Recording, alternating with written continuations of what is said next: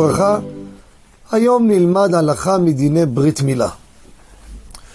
נקודה רבותיי חשובה מאוד.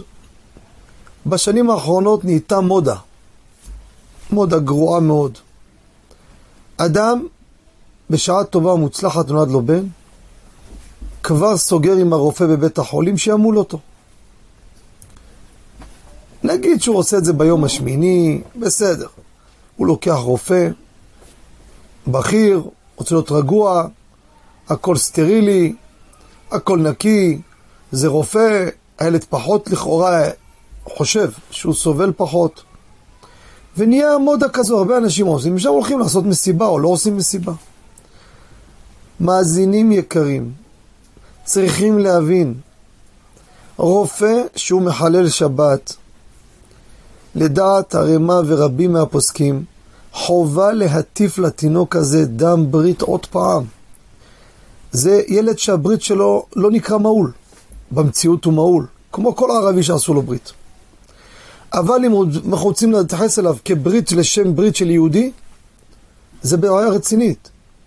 זה מחלל שבת שמל דינו כגוי, כמו שגוי מל אותו. תחשוב שהלכת לאיזה ערבי או נוצרי, בוא תעשה לו ברית.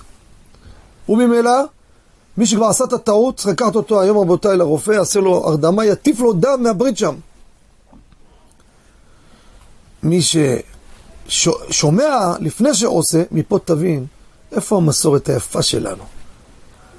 כל מצווה שעשו אותה בשמחה, ששון, מה זה ששון? אומרת הגמרא מסכת מגילה זו המילה. זו מצווה שעם ישראל עשה אותה בשמחה תמיד.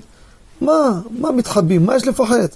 הביא מועל, עברת מבחנים עם תעודה, יבוא אליך לבית, לאולם, לבית הכנסת, פאר והדר, משתפים את כולם במצווה. זה היופי שלה. מה אתה עושה בסתר, בבית חולים, באיזה חדר ניתוח?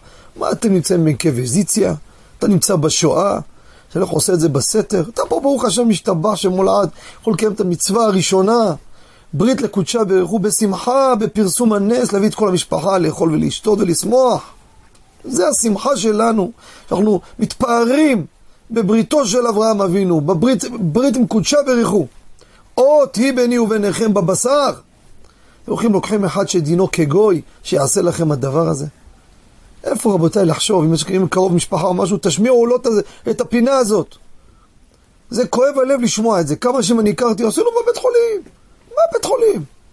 תגיד לי, אבל היה, היה רופא דתי, אז מה אם הוא דתי? תעשה כל המשפחה פר והדר. כמו שצריך, כמו המסורת של אבותינו. לא סתם חדש אסור מן התורה. מה אתם באים להמציא דברים חדשים? זה השורש והיסוד של היהדות, היהדות והיהודים כולם. לכן צריך להתחזק בדבר הזה. להמשיך את המסורת. כל הצלחתנו, קיומנו, היסטורית, שומרים מסורת. כל מי שניסה לעשות חדש, נעלם והתאדה. רפורמים, קראים, צדוקים, מה נשאר מהם? כלום, עורבא פרח. נוצרים הם היום, נשואים לעובדי עבודה זרה, מה הם בכלל? למה? התחילו לפתוח דברים, הכל חדש. מתחילים להת, להתחדש ולהתמדרן, להיות מודרני בנושאים של יהדות, זה ירידה לבאר שחת.